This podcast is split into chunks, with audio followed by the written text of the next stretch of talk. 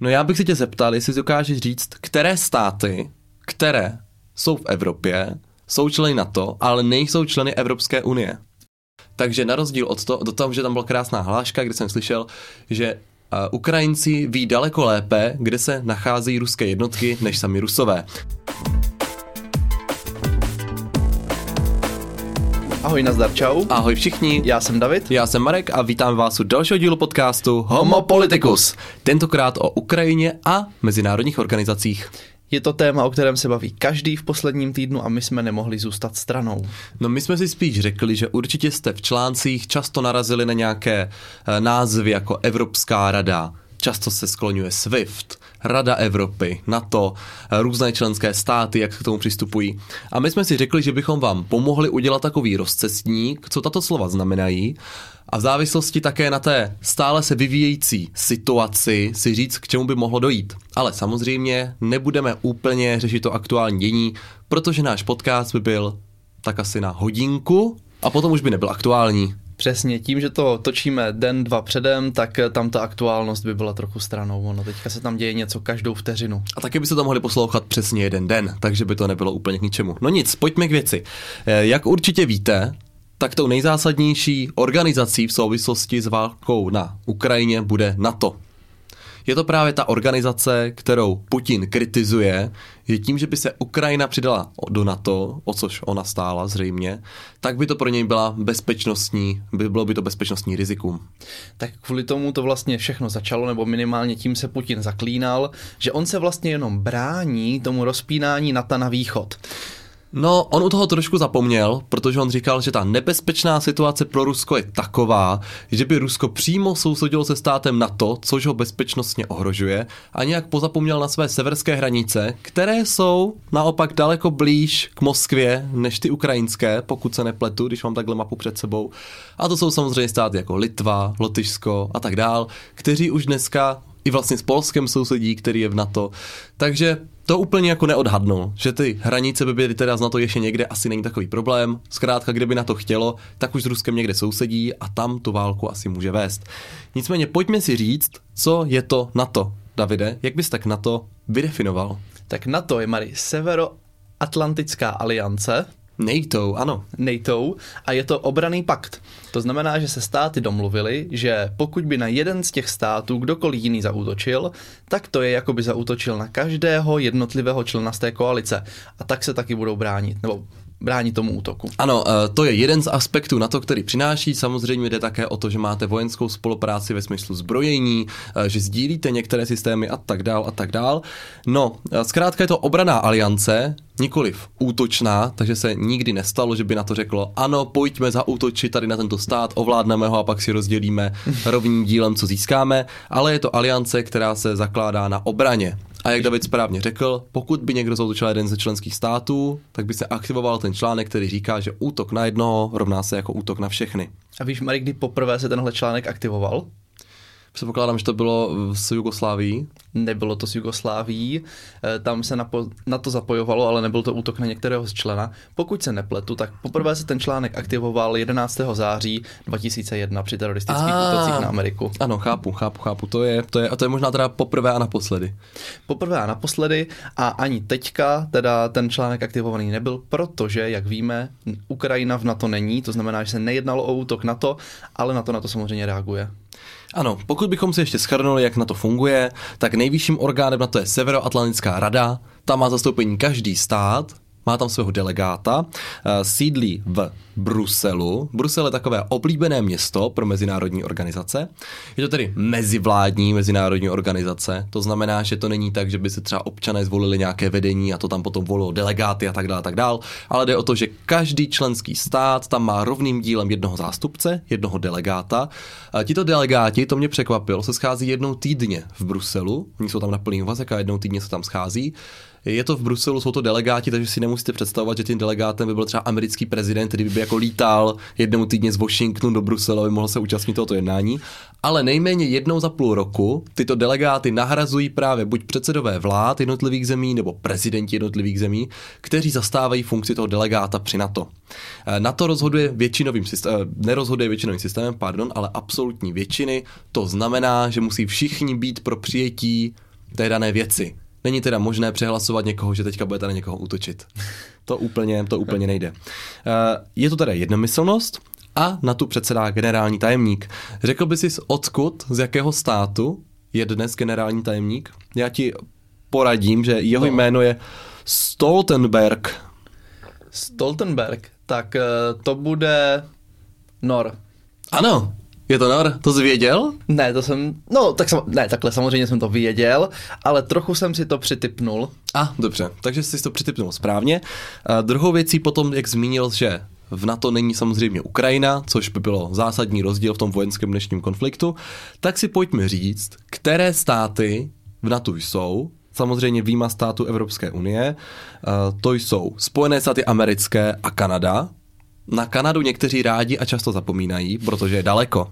ale ano, Kanada, Spojené státy. Protože nemá tak velkou armádu jako Amerika. Přesně tak, ale na Američany nikdo nezapomínají. Často si to lidé i zaměňují, jakože na to jsou Spojené státy. Není to vůbec pravda. Ono totiž můžeme říct, že Spojené státy mají největší armádu na světě, takže to možná jako lehce přispívá. Nikoliv největší, ale nejsilnější. Nejsilnější. Nejsilnější. Největší má Severní Korea, ne? Já bych jako řekl, že nejsilně, největší by mohla být třeba jako Indie klidně. Jo, těch lidí je tam spoustu. Čína, tady ty azijské země by k tomu asi aspirovaly Já, já si víc. myslím, že početně největší má Severní Korea.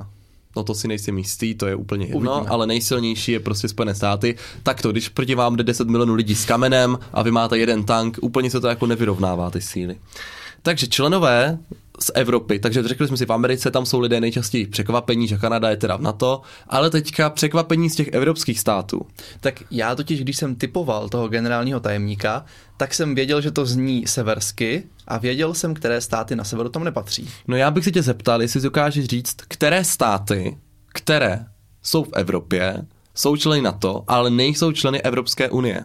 Tak Norsko, rozhodně, Ano, eh, které nejsou členy Evropské unie. přesně tak. Je Velká, tam jako... Velká Británie. Ano, Velká Británie je to takový jako Takový chyták. Eh, Potom něco na Balkánu možná, ale to teda nevím. Myslíš Albánii? Nevím, možná. Ano, je to Albánie. Mary, myslím Albánii třeba. Nebo třeba Černou horu.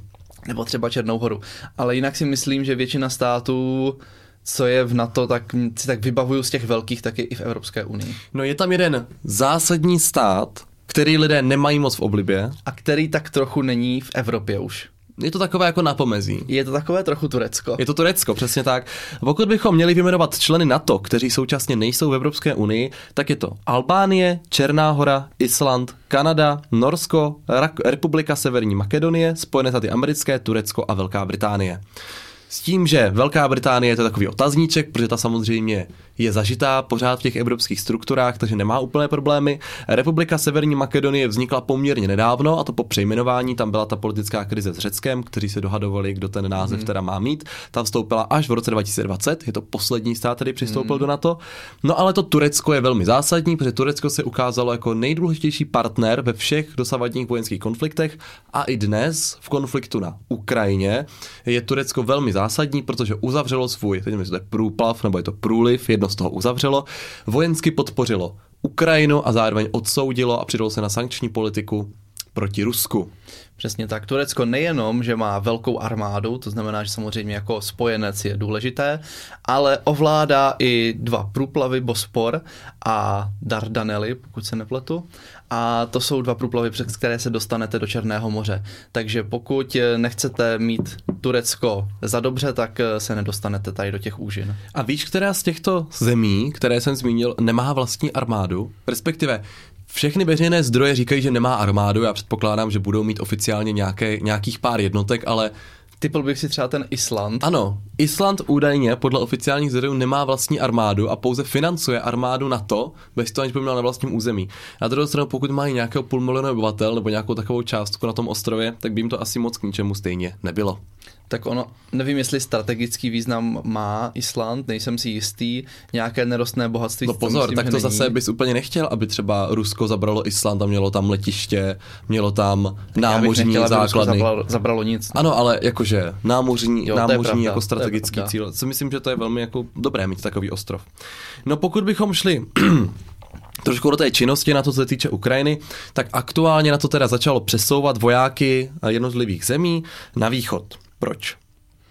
Protože se tam očekává, že kdyby Rusko vyhrálo, mohlo by mít nějaké agresivní eh, maníry a mohlo by zkusit zaútočit na některého z teď už jako členských států na to bývalých členů sovětský, Sovětského svazu a to by mohlo být právě Litvo, Lotyšsko, Estonsko. Přesně tak. Současně, pardon, současně vlastně ukazujeme tím, že se nebojíme té vojenské agrese. Mám takový dojem, že s každým dnem, kdy se prodlužuje válka na Ukrajině, ten strach z těch států na to se trošku snižuje, že mají jako pocit, uh, že ta ruská armáda není vůbec tak dobrá, jak očekávali a že se vlastně snižuje ten stres z toho, že by ta, ten souboj těch dvou armád což bylo z nějakého filmu, že eh, mohl dopadnout negativně pro Evropu. Samozřejmě tam potom jsou otazníky jako uh, zbraně hromadného ničení a tak dále, tak dále, ale důležité je vydat ten signál, my jsme připraveni, naši vojáci jsou na východě, současně samozřejmě ti vojáci mohou pomáhat s tou migrační krizí z Ukrajiny, Další věc, co teda na to dělá, je, že pomáhají zbrojit Ukrajinu. Státy se rozhodli, že budou posílat zbraně, budou posílat finance na Ukrajinu,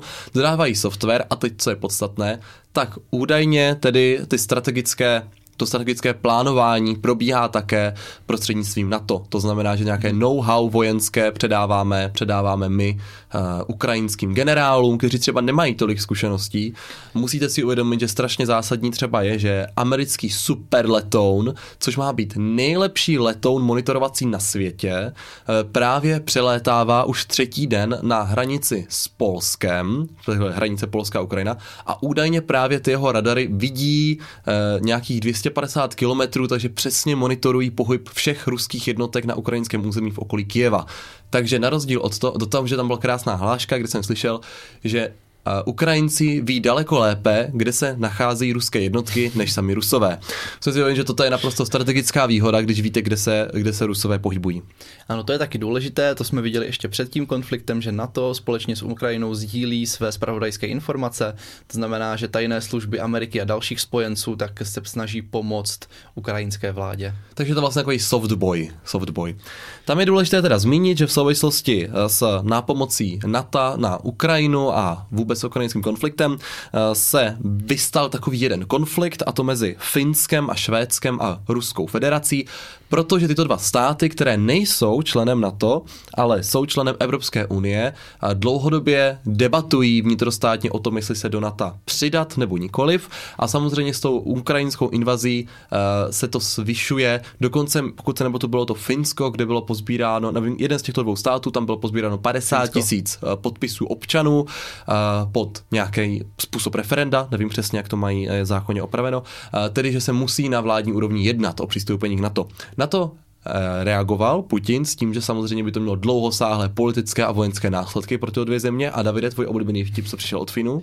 Můj oblíbený vtip je, nebo vtip, to byl komentář k tomu, kdy jim právě Putin vyhrožoval nějakou vojenskou intervencí, pokud se rozhodnou připojit k NATO, tak eh, Finové to glosovali tím, že se toho nebojí, protože na jejich území už jsou desetitisíce ruských vojáků, akorát, že jsou několik metrů pod zemí. Ano, tím reagovali na finsko-ruskou válku, kterou Finové vyhráli a dát teda najevo, že se úplně neobávají nějakého dalšího konfliktu. Je pravděpodobné, že výsledkem teda válce na Ukrajině bude připojení těchto dvou států do Severoatlantské aliance. Tak ono je pravda, že s těmi záběry, co z Ukrajiny máme, tak vidíme, že ruská armáda je špatně vyzbrojená, má zastaralé technologie. Eh, dostávali se k nám videa, že třeba ruští vojáci propili část těch svých eh, pohonných hmot, takže No a když půjdeme do další mezinárodní organizace, která je našim posluchačům a nám samozřejmě určitě trošku známější, protože přece jenom nikdo z nás eh, není vojenským expertem, že by jako sledoval a analyzoval kroky na to, a to je Evropská unie. Když jsme si dávali ty členy NATO, kteří eh, nejsou v Evropské unii, tak teď to můžeme dát obráceně, eh, kteří členové Evropské unie nejsou v NATO. Tak to je určitě Rakousko, které mm-hmm. historicky po druhé válce zůstalo neutrální, to znamená, že nevstoupilo do NATO. A přemýšlím, které ještě státy Evropské unie nejsou v NATO. Eh, tak eh, Finsko, Švédsko. To už jsme zmínili. To už jsme zmínili. Eh, Poradím ti, už zbývá pouze jeden stát. Velký, malý. Tak na naše poměry je to prostě Evropa.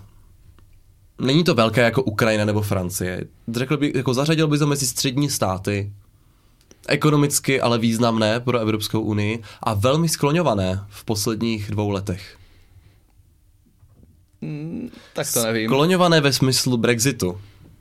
Irsko? Ano, je to Irsko. Irsko není v NATO, ale je v Evropské unii. Evropskou unii asi nemůžeme blíže představovat, všichni známe modrá vlajka, žluté hvězdy, zhruba všichni víme, že nějakým způsobem funguje. Jsou tu dva, nebo respektive jsou tu tři zásadní orgány, které Evropská unie má. Ty další už tam nebudeme plést, protože názvy jsou si velmi podobné a nechceme vás úplně jako pustit do chaosu. David si tyto orgány plete už asi šestým rokem. Jednou za týden se zeptá, který z těchto orgánů je který, zhruba za pět až deset minut to neví, takže já bych to zkrátil na ty nejzásadnější. Tři instituce Evropské unie. Evropská rada, Rada Evropy. Pane bože, ty jsi měl říct, z čeho je složena. Z čeho je... Evropská rada je složena z? Ministrů. Mhm. Ty si máš s tím jako velký problém. Mně se to plete. Ty máš Evropská rada, rada, rada Evropy a no, tak já Rada to vezmu. Evropské unie. Vždyť to je to stejný. Furt není, to není, není a právě některé z nich jsem vynechal, aby to nebylo tak složité. Takže Evropská rada je mezivládní orgán, ty zastupuje ty národní státy, to znamená, že v Evropské radě se schází předsedové vlád národních nebo prezidenti, protože třeba ve Francii se předkává prezident, protože to je poloprezidentská republika, za nás jezdí předseda vlády, protože jsme parlamentní republika.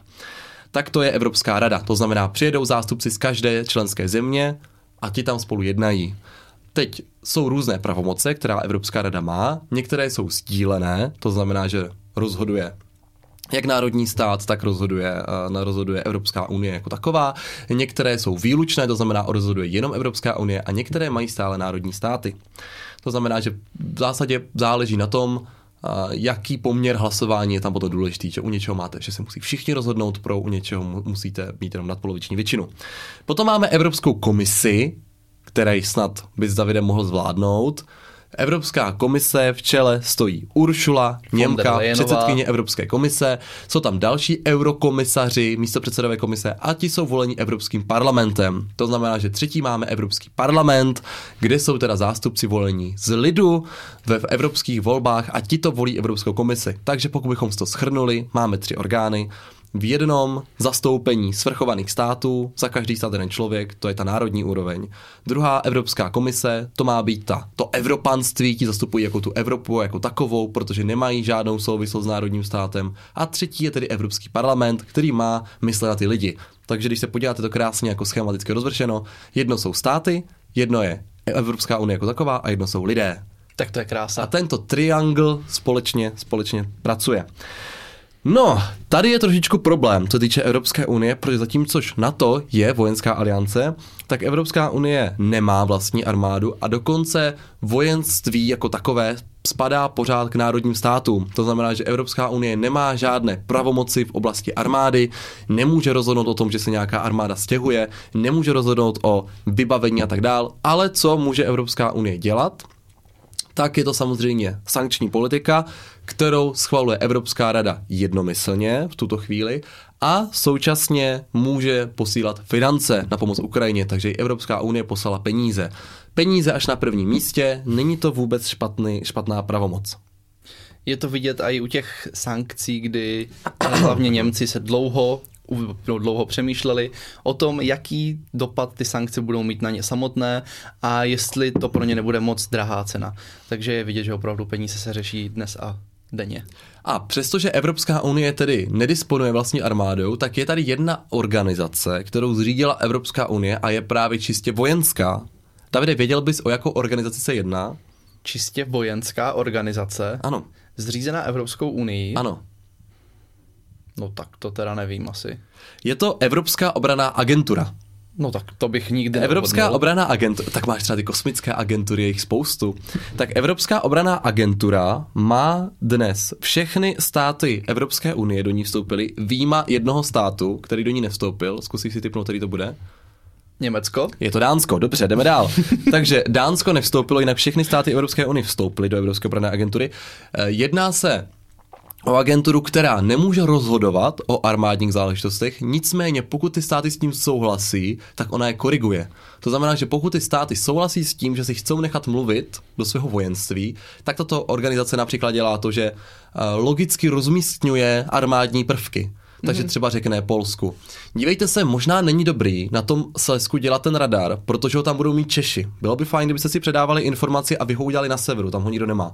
Samozřejmě zjednodušuju, ale tímhle způsobem. Uh, může také pomáhat s různými zakázkami, ale jde tady o tu dobrovolnost, že státy si řeknou, ano, my potřebujeme pomoct. Současně uh, třeba dodávají jako data a korigují některou činnost, když o to státy požádají. Takže to je takový jako dobrovolný svazek, mají zhruba 140 zaměstnanců mimochodem. Což Zní to, že to dává docela smysl. ano, je to tedy dobrovolné, nemůže vám to rozhodnout, ale asi je fajn sdílet vědomosti, know-howčko a tak dále. Mm. No když opustíme Evropskou unii, abychom se u ní úplně nezasekli, tak je tady ještě jedna mezinárodní organizace, pozor, jenom na evropské půdě, která byla skloňovaná naposledy v pátek, velmi významně, a poradím ti, že v souvislosti s touto organizací bylo Rusku pozastaveno členství a Rusko zmiňovalo, že můžou díky tomu vrátit trest smrti. Aha. Bude to jedna z těch tří, co se mě furt pletou. Ano. A ne, protože ty, ty tři, co ty se ti pletou, jsou orgány jedné organizace a tohle je celá jedna organizace, žádný orgán. Takže nějaká rada Evropy nebo tak, viď? Je to Rada Evropy. Ano, Rada Evropy je mezinárodní organizace, která se skládá ze 46 zemí. Navíc má i některé pozorovatelské země, mezi které patří například Vatikán a USA. Pro ty, kdyby se to náhodou někomu pletlo, což já nechápu, protože Rada Evropy, Evropská rada a Rada Evropské unie jsou úplně jiné prostě organizace, tak Rada Evropy nemá s Evropskou unii vůbec co dělat. Nemá. Vůbec. Vůbec. Často si to lidi pletou, naprosto to nechápu.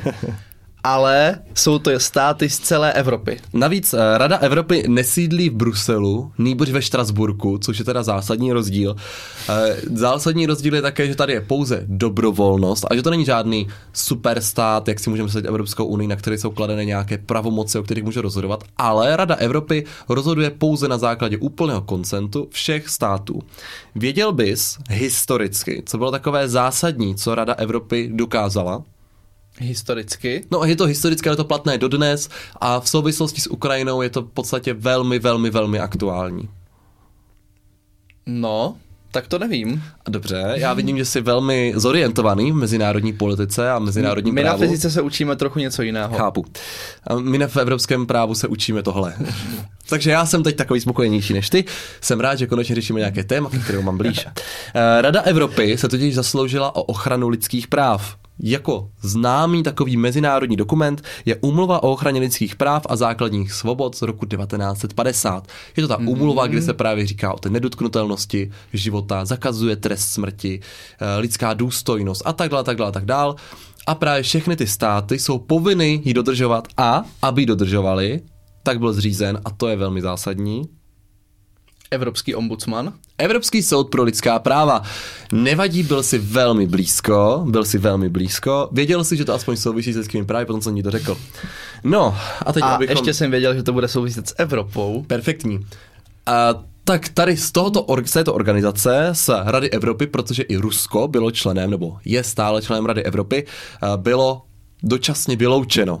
Tam je důležité říci, proč dočasně. Ta logika těch států je taková, že oni nechtějí vyloučit Rusko a úplně jako vy jste fuj, ale chcou vlastně ukázat, že pokud nebude Putin u vlády a tady ta diktaturní moc, tak jsou ochotní Rusko vlastně zpět vrátit. Takže je tam jenom pozastavení členství s takovým tím jako přípisem. My vám pozastavujeme členství, až se zbavíte Putina, můžete zpátky. Takže to je Chápu. zásadní. A právě proto, že ty rezoluce o lidských právech zakazují trest smrti a Rusko si teda řeklo, aha, my už nejsme členy, takže ho můžeme znova zavést. Takhle to teda úplně nefunguje, protože jsou různé ještě charty OSN a jako jiné smluvní, smluvní dokumenty, ale aspoň vidíme, jak nad tím Rus přemýšlí. No a teďka pojďme mimo Evropu. Už jsme máme jako ten, tu severoatlantickou část, máme tu Evropu a teďka je potřeba bavit se mezinárodně na celém světovém Globálně, fóru. to je Globálně. moderní slovo. Globálně. Tak ty už to naťukl, Marím. Předpokládám, že míříš k OSN. Ano, Organizace spojených národů. Věděl bys, kolik členů má OSN? Kolik, kolik států světa je členem OSN? 197. Je to 193. A otázka zní, kolik států světa je členem OSN? Uznaných států. Počkej, a co je 193? 193 členů OSN. Ano. Ano. A, A? a teď je ten chytáček. Kolik států uznaných OSN na světě není členem OSN? Jo, není členem. Pět? Jeden, je to Vatikán. Ah, Vatikán má totiž, eh, nevím, jestli to je, z jakého je to důvodu, jestli to je Nevím, proč to tak je, ale mají prostě speciální pozorovatelskou funkci a zástupce Vatikánu je na všech, účastní se všech jednání, nebo respektive je vlastně, má speciální takovou delegátskou pozici na všech jednání OSN, ale v OSN nejsou.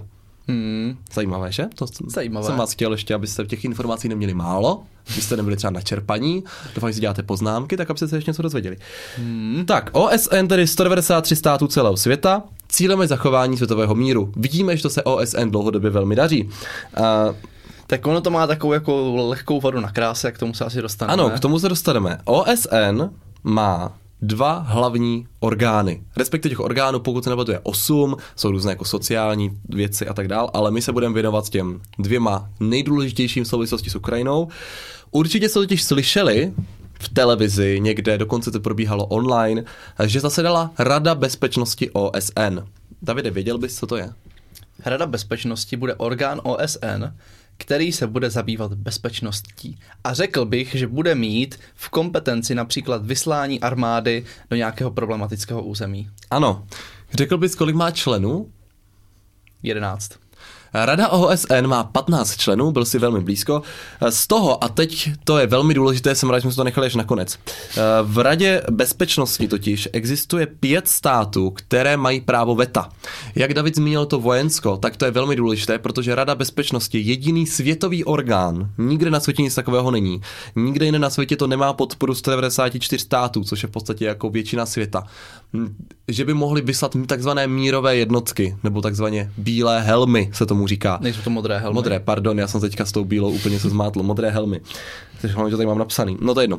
Eh, Zkrátka Rada bezpečnosti, pokud určí, že někde na světě se děje nějaká genocida, něco podobného, m, že se porušují lidská práva, tak jsou určité stupně toho, co oni můžou dělat. Můžou třeba jenom poslat své jednotky k tomu, aby třeba chránili pitnou vodu protože prostě chcete hmm. nechat ty civilisty, aby měli jak pít. Můžou poslat svou armádu, aby chránili, aby chránili třeba Červený kříž mezinárodní. Můžou poslat své jednotky, aby uh, bránili nějakou infrastrukturu. Můžou poslat své jednotky, aby doprovázeli nějaký hmm. konvoj humanitární. Ale v té nejzávažnější fázi, když by opravdu docházelo uh, k, jako k silnému porušování lidských práv a tak dál, tak Rada bezpečnosti může ty jednotky poslat za obraným účelem. Což znamená, že prostě řeknou, my vysíláme jednotky a vysíláme jednotky za účelem poražení agresora. Takže vyloženě ty jednotky můžou jít do přímého konfliktu. To znamená, že kdyby se Rada bezpečnosti rozhodla, tak můžou dojít na Ukrajinu a porazit tam Rusy. Teď to má ale oblý zádrhel.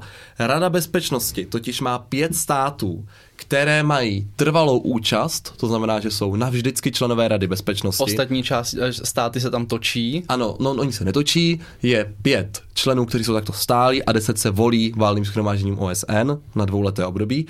A krom toho, že těch pět členů je stálých, tak pouze těchto pět členů má právo veta. To znamená, že když se teďka rozhodovalo o tom, že Rada bezpečnosti odsoudí invazi na Ukrajině, tak to někdo mohl vetovat a ten to taky vetoval. Uhádneme asi kdo.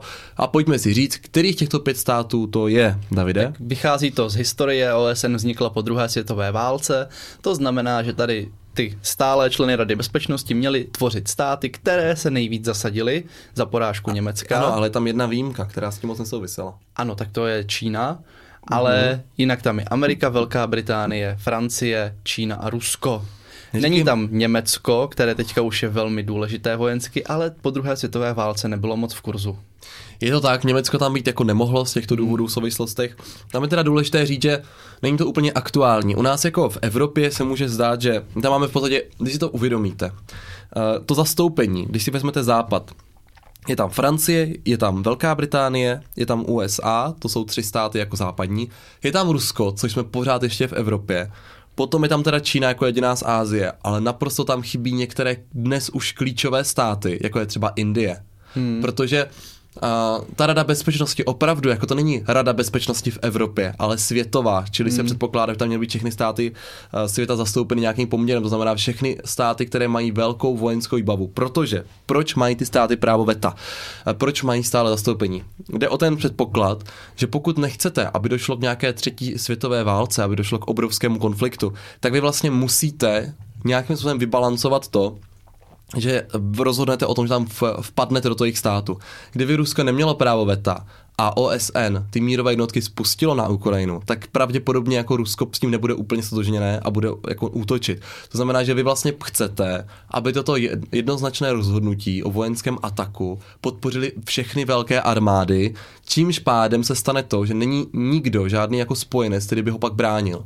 Za předpokladu, že by třeba probíhala eh, vojna mezi, uh, nevím, Jihoafrickou republikou, Jihoafrickou republikou a Kongem, tak ve chvíli, kdy tyto státy by teda řekli, no tak to ani náhodou, protože tam probíhá genocida, poslali tam tu armádu, tak kdo by jim pomohl, pokud by s tím souhlasila mm. Čína, Rusko, Velká Británie, Spojené státy a třeba ta Indie, pokud by byla stoupena.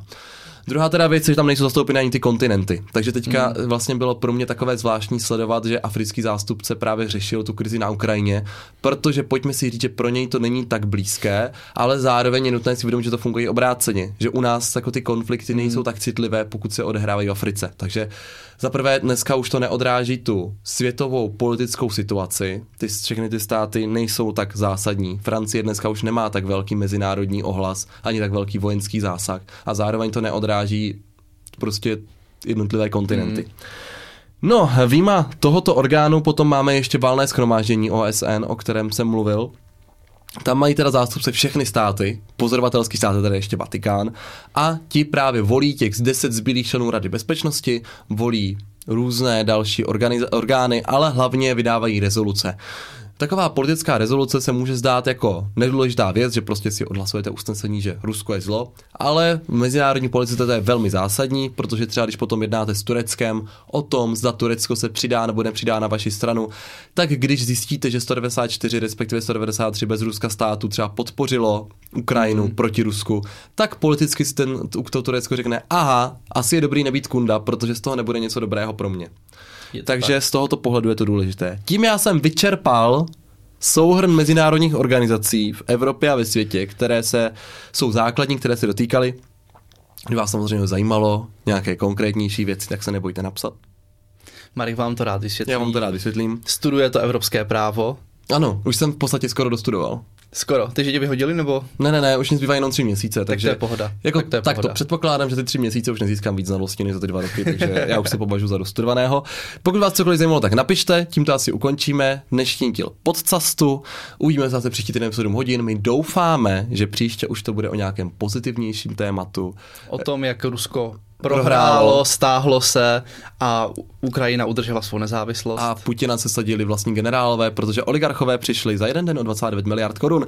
Tak doufáme, že tyto pozitivní zprávy vám budeme moct přinést příští týden. Mějte se krásně. Ahoj. Mějte se fanfárově.